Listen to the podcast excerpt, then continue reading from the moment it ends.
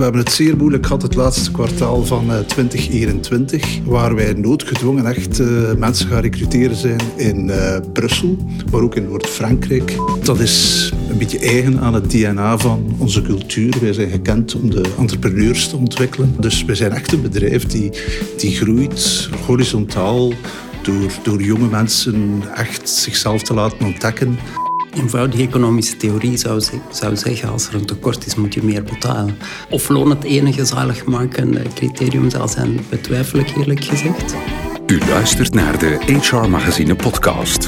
Een bekende journalist interviewt een expert over een actueel HR-thema. Deze gast inspireert u over wat beweegt in het HR-landschap en geeft een blik op de toekomst. Uw gastvrouw is Liesbeth Imbo. Welkom alweer bij een nieuwe HR-podcast. Dit keer kijken we naar de knelpuntberoepen. En dat doen we met Joris Gijsels van de studiedienst van de VDAB-afdeling Strategie. En met een man van de praktijk, zeg maar, HR-verantwoordelijke bij Katoennatie, Pieter Dazen. Heren, welkom. Joris, ik ga bij jou beginnen. Ik las dat we al aan 207 knelpuntberoepen zitten. Dat is veel. Ja, en het wordt elk jaar erger of uh, beter, hoe je het maar wil zien. Er zijn telkens minder kandidaten om uh, jobs in te vullen. En dus wordt onze lijst langer van beroepen waar het echt moeilijk voor is om nog genoeg kandidaten te vinden. Vanaf wanneer is een knelpuntberoep een knelpuntberoep dan? Een knelpuntberoep is een soort rangordelijst die wij maken bij de beroepen die het moeilijkst ingevuld worden. Maar zelfs dat, daar hanteren wij zowel cijfercriteria voor als overleg met, uh, met werkgeversorganisaties om af te toetsen of iets wat in onze cijfers lijkt een knelpuntberoep te zijn, of zij dat ook wel vinden dat dat een knelpuntberoep is. En elk jaar hebben we er meer. Ja. Is het een goede zaak als knelpuntberoep om op die lijst te staan? Heeft dat zo zijn voordelen? Ik denk het niet eigenlijk. Hè. Dat signaleert vooral dat er een probleem is. Maar misschien dat er dan ook meteen meer omkadering komt. En ja, er is zeker meer omkadering. Hè. Ja. De VDAB probeert bijvoorbeeld werkzoekenden allemaal toe te leiden naar die knelpuntberoepen. Dus dat kan helpen. Werkt dat, ja? Dat werkt, maar niet genoeg. Ja. De knelpuntberoepen veel knelpuntberoepen staan al heel lang op de lijst, bijvoorbeeld ook. Hè? Ja. Heb jij veel last van de knelpuntberoepen, Pieter? Ja, toch wel. Uh, ik moet eerlijk zeggen, ik wil even uh, ingaan op het. Uh, Daarom ben je hier, hè? Ja, inderdaad. ik ben toch een klein beetje verbouwereerd. Ik heb nog deze morgen gekeken naar die lijst van die knelpuntberoepen. Ik praat hier voor de logistiek. Dan ben ik verbaasd dat bijvoorbeeld toch een aantal technische functies binnen de logistiek daar vandaag niet op staan. Is het een goede zaak dat je erop staat dan? Uh, voor ons is dat toch wel een goede zaak. Wij kijken echt ver in de toekomst. En wij zien, uh, aangezien onze sector nog altijd zeer sterk groeiend is, ik praat niet alleen voor de katoenatie, maar ik denk ook voor andere bedrijven, dan zien wij dit probleem alleen maar groter worden, zeker op technische functies. En dan weten wij ook vandaag, als u op die lijst staat, dat het een stuk makkelijker is om te gaan recruteren in het buitenland. Bovendien... Ah ja, want het is niet dat het in het binnenland helpt om op die lijst te staan, want dat krijg je... Ik denk dat we daar al voorbij zijn. Wat je niet ingevuld krijgt, Ik denk dat we daar eerlijk gezegd al voorbij zijn. Ja. Dus uh, wij kijken voornamelijk vandaag voor die, voor die functies. Ik heb het dan voornamelijk over mensen met uh, kennis van rollend materiaal die ingezet worden in de magazijnen. Uh, die worden vandaag inderdaad nog altijd geschoold bij de VDAB, waarvoor dank. Maar wij zoeken natuurlijk niet alleen mensen die pas geschoold zijn, maar ook mensen die inderdaad de nodige maturiteit hebben om onze groei te kunnen ondersteunen. En die vinden wij vandaag zeer moeilijk op de markt. En, uh, dus het gaat niet alleen over volume, het gaat ook over kwaliteit.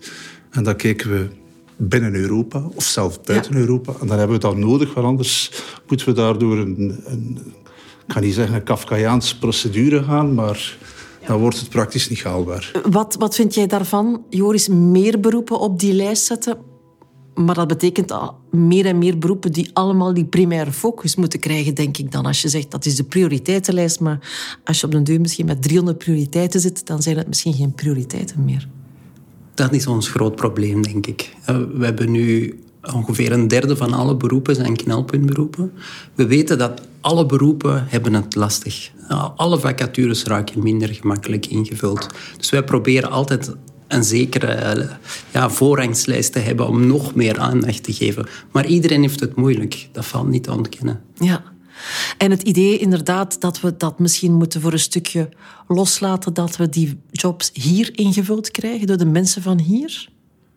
Ik denk, dat, dat was al een mooi voorbeeld. De, ik denk dat de regels over migratie elke legislatuur versoepeld worden, merken wij. De, voor eh, deze legislatuur was het enkel voor hogescholen gemakkelijker. Nu is het ook voor middengescholen. Is er dan op basis van de knelpuntberoepenlijst weliswaar. En dus dat was het voorbeeld dat we net hoorden. Als je dan niet op de knelpuntberoepenlijst staat, is het nog altijd moeilijk.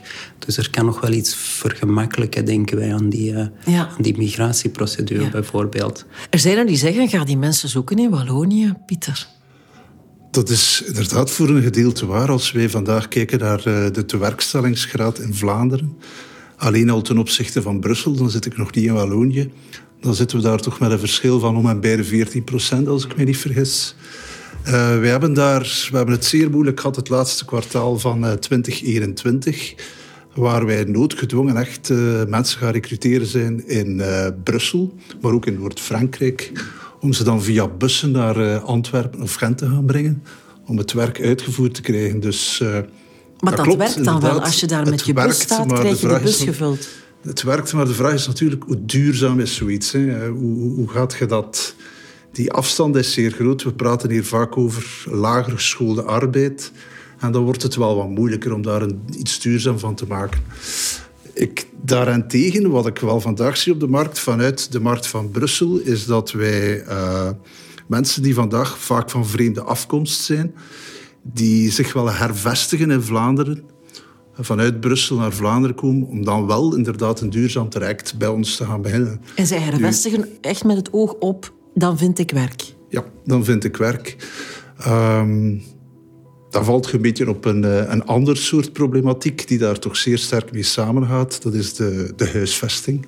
De huisvestingsmarkt die het toch zeer moeilijk maakt om daar een kwalitatief te maken. Want die moet je kunnen aanbieden. Wij moeten ons mensen uh, kwalitatief laten instromen. We moeten ze goed soigneren vanaf dag één. Ja, maar natuurlijk, je zegt ja, het is, het is, je kan ze inderdaad wel gaan vinden in, in Brussel en Wallonië, maar is dat duurzaam? Want mensen moeten ofwel willen verhuizen, wat niet altijd evident is als je al een beetje een leven hebt opgebouwd, of ja, altijd dat traject willen afleggen. Nochtans merk je dat mijn politiek daar meer en meer wil op inzetten. Hè, op het samenwerken tussen al die verschillende jobzoekende agentschappen. Ja, absoluut. Ik denk... Uh... Is dat dan meer een tof idee op papier, maar moeilijk in de praktijk? Nee, maar het is zoals Pieter er net zei. Het is Elke persoon heeft zo zijn overwegingen. En ik denk dat de influx van eh, vluchtelingen uit Oekraïne het niet makkelijker zal maken. De, de woningmarkt is al krap. En nu komen er nog uh, tienduizenden mensen bij. Dat, het zal zeker niet makkelijker worden om te verhuizen. Er zijn opeenvolgende akkoorden om uh, data uit te wisselen. Wij wisselen nu meer data uit met Actiris bijvoorbeeld. Om Vlaamse vacatures geven wij standaard allemaal door aan de Brusselse tewerkstellingsdiensten. En levert dat wat op? dat levert wel, dat levert zeker wat op. Maar ook daar, bijvoorbeeld technisch geschoolde mensen zijn schaars in heel België. Dus de, de IT-profielen zijn schaars in heel Europa. Het is, is, is niet zo makkelijk om, uh, om alternatieven te vinden. Men zegt wel eens, we hebben natuurlijk wel... Uh, inderdaad, de werkloosheidsgraad. Hè. In Vlaanderen is die beduidend lager hè, dan in Brussel en Wallonië. Geloof jij wel, Joris, in het misschien mensen ja, vanuit een soort verplichting sturen naar knelpuntberoepen? Er zijn politici die zeggen, wie twee jaar werkloos is, en, en geen job vindt, die moet maar in die lijst gaan kijken. Geloof je daarin? Persoonlijk hou ik niet zo van plicht, maar ik denk dat weinig mensen van plicht houden, maar soms wel een beetje een duwtje in de rug nodig hebben. Dus dat in dat opzicht enige uh, aandrang zal wel nuttig zijn, denk ik. Uh, Want misschien ontdek je wel gaandeweg dat die job toch misschien een job is voor jou. absoluut. Hè. Dus ik denk dat, dat stagetrajecten die wij hebben of IBO-opleidingen, die, die beroepsopleidingen op de werkvloer zijn, en daar proberen we erg op in te zetten, dat zoveel mogelijk mensen iets leren kennen in de praktijk voor ze ja of nee zeggen hopelijk dan ja gaan zeggen. Dat zijn, uh, ja. ja. dat zijn allerlei instrumenten die wij inzetten om het zo gemakkelijk mogelijk te maken. En mensen beroepen zouden kunnen leren kennen. Ook beroepsverkennende stages. Het is een heel waaier aan mogelijkheden. Maar we hebben nog, ik wou nog twee dingen daarover zeggen. Aan de ene kant denk ik omdat de knelpuntberoepenlijst een soort prioriteitenlijst is, er blijven ook nog de 400 andere beroepen. We zouden toch ook niet graag hebben dat er geen enkele kandidaat meer voor overblijft. En het andere is ook, niet iedereen kan alles leren. Dus de leervermogen is natuurlijk in elke mens aanwezig. En uh, onze spreekwoorden zeggen, je bent nooit te oud om te leren bijvoorbeeld. Hè, daar geloof ik wel in. Maar dat wil niet zeggen dat iemand die helemaal geen aanleg heeft voor wiskunde bijvoorbeeld... toch... Um, AI-informaticus kunt maken of zo. Hè? Dus er zijn wel beperkingen. Want jij zei daar straks, Pieter, ja, we, we hebben wel mensen nodig met een zekere maturiteit zitten jullie ook genoeg te investeren in dat reservoir van misschien inderdaad jongeren die schoolverlaters zijn of die van op eh, bepaalde richtingen moeilijker aan een job geraken. Die stage hè, op de vloer. Ja, uiteraard. Uh, wij zijn groot gebruiker van IBO-contracten. Dus uh, wij zijn zeker open om mensen een kans te geven om ze te leren ontdekken wat hun eigen kwaliteiten zitten, waar zit hun hoesting en wat kunnen ze goed. En als we dat keer detecteren, dat is een coachend project, dan kunnen we daar wel iets mee. Ik bedoel, wij zijn gelukkig groeiend bedrijf, dus er is daar altijd wel een plaatsje. Als je dan kijkt naar hoe, hoe groeit ons bedrijf, dan denk ik dat wij zeker gekend zijn op de arbeidsmarkt als een bedrijf die jonge mensen heel veel kansen biedt om zich te ontwikkelen en dan op zeer jonge leeftijd, in tegenstelling tot andere bedrijven, een vrij grote verantwoordelijkheid te, te krijgen. Een soort autonomie van waaruit zij een ondernemerschap kunnen ontwikkelen. Um, dat is een beetje eigen aan het DNA van onze cultuur. Wij zijn gekend om de entrepreneurs te ontwikkelen.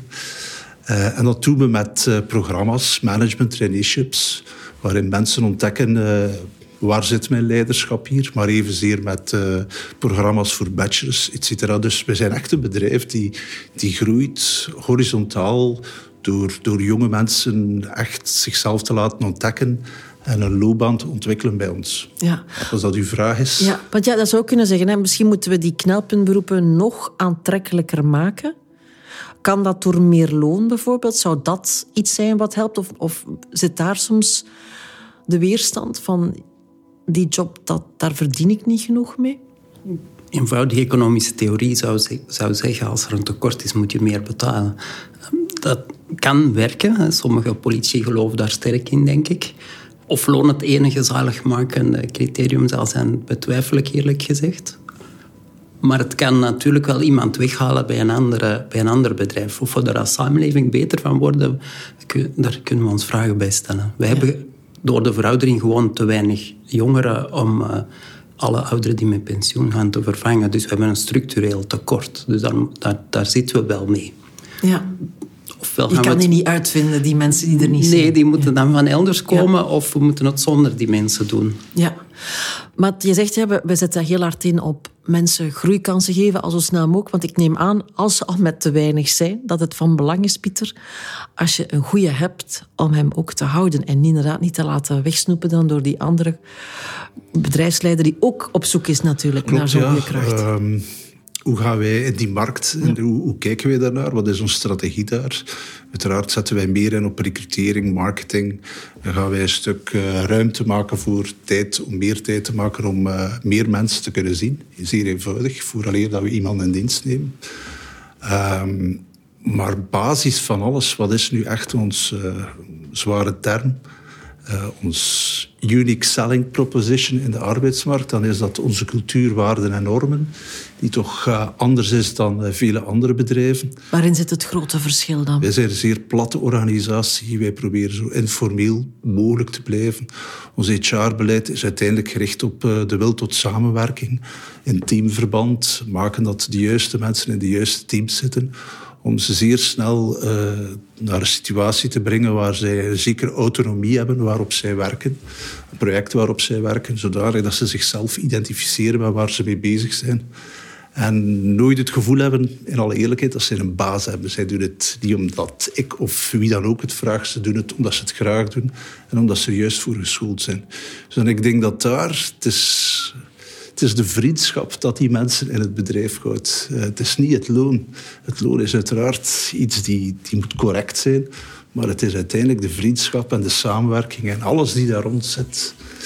Uh, de zorg die daar rond zit, die maakt dat mensen blijven. Retentie is een van onze pijlers om in deze arbeidsmarkt uh, te overleven. Ja, eigenlijk als je dus je knelpuntberoep wilt ingevuld krijgen, moet je eigenlijk vooral misschien inderdaad inzetten, Joris, op ervoor te zorgen dat het een geweldige job is die je binnenhaalt. Wij geloven daar heel sterk in, ja. Wij, wij merken ook dat een aantal beroepen net knelpuntberoep zijn, omdat traditioneel de arbeidsomstandigheden moeilijker zijn. Er zijn ook horeca-knelpuntberoepen bijvoorbeeld. Omdat alsmaar minder mensen bereid zijn elk weekend, elke nacht te werken. Ehm, dat is heel begrijpelijk, denk ik. Maar voor een ondernemer die een restaurant heeft, is dat natuurlijk wel heel moeilijk. Want je klanten willen dan niet bediend worden. Dus daar zit wel een, daar zit een grote spanning tussen verwachtingen van kandidaten en wat een werkgever kan bieden. Soms kan je het oplossen, maar soms is het ook moeilijk. Ja, want inderdaad, de ene horecabaas kan het misschien wel al aanbieden. Extra loon op zaterdag of niet werken op zaterdag. Maar wat je meer en meer hoort is, om nu het horeca-voorbeeld te behouden, Joris, is dat veel meer horeca begint te zeggen, ja, we doen het dan niet meer op zaterdag. Hè? Die eigenlijk sluiten niet vanuit een grote visie, maar omdat het nu eenmaal niet meer kan, is het ook enorm groeifnuikend voor heel wat ondernemers dat die jobs niet ingevuld geraken. Uh, ik denk het wel. wij horen steeds vaker ondernemers zeggen dat ze zichzelf beperken om, omdat ze niet genoeg personeel vinden om te groeien. En dat is natuurlijk een heel spijtige zaak. Is dat bij jullie ook zo, dat jullie groei een beetje gefnuikt wordt omdat jullie niet alles ingevuld krijgen? Voorlopig nog niet. Maar ik ben daar wel bang voor. Ja? Ja.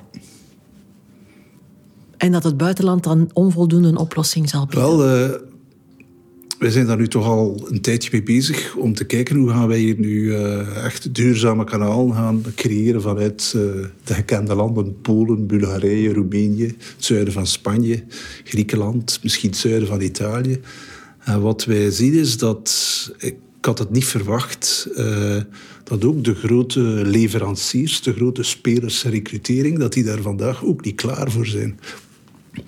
Um, waarom is dat? Ik denk dat die een beetje georganiseerd zijn vanuit een landenstructuur waar het moeilijk wordt om uh, kanalen op te zetten die over geen grenzen gaan.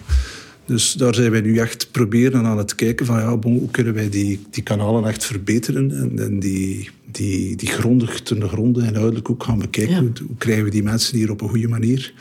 En uh, als we daarin slagen, en ik denk dat we daar rond gaan zijn binnen een maand of vier, grove schatting, dan denk ik dat het wel gaat lukken. Ja, maar is het natuurlijk zo dat buitenland dat dat misschien nu nog een tussen aanhalingsteken reservoir is, maar dat ook daar de knelpuntberoepen toenemen?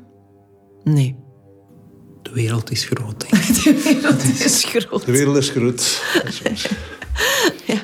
Zouden ook, want je zegt van ja, op termijn ben ik daar wel wat bang voor. Dit is dus een blijvend probleem, de knelpuntberoepen, of zelfs nog een toenemend probleem? Nu is het nog een toenemend probleem, ja.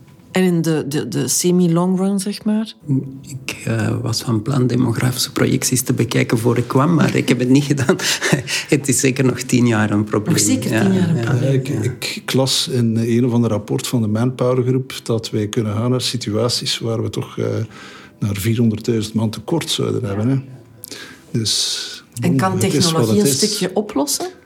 Uh, automatisering zal daar zeker een stuk een oplossing zijn, maar wij automatiseren niet omdat we geen mensen vinden. Ik denk dat dat niet de insteek is. De insteek is de dienstverlening van onze klanten gaan verbeteren.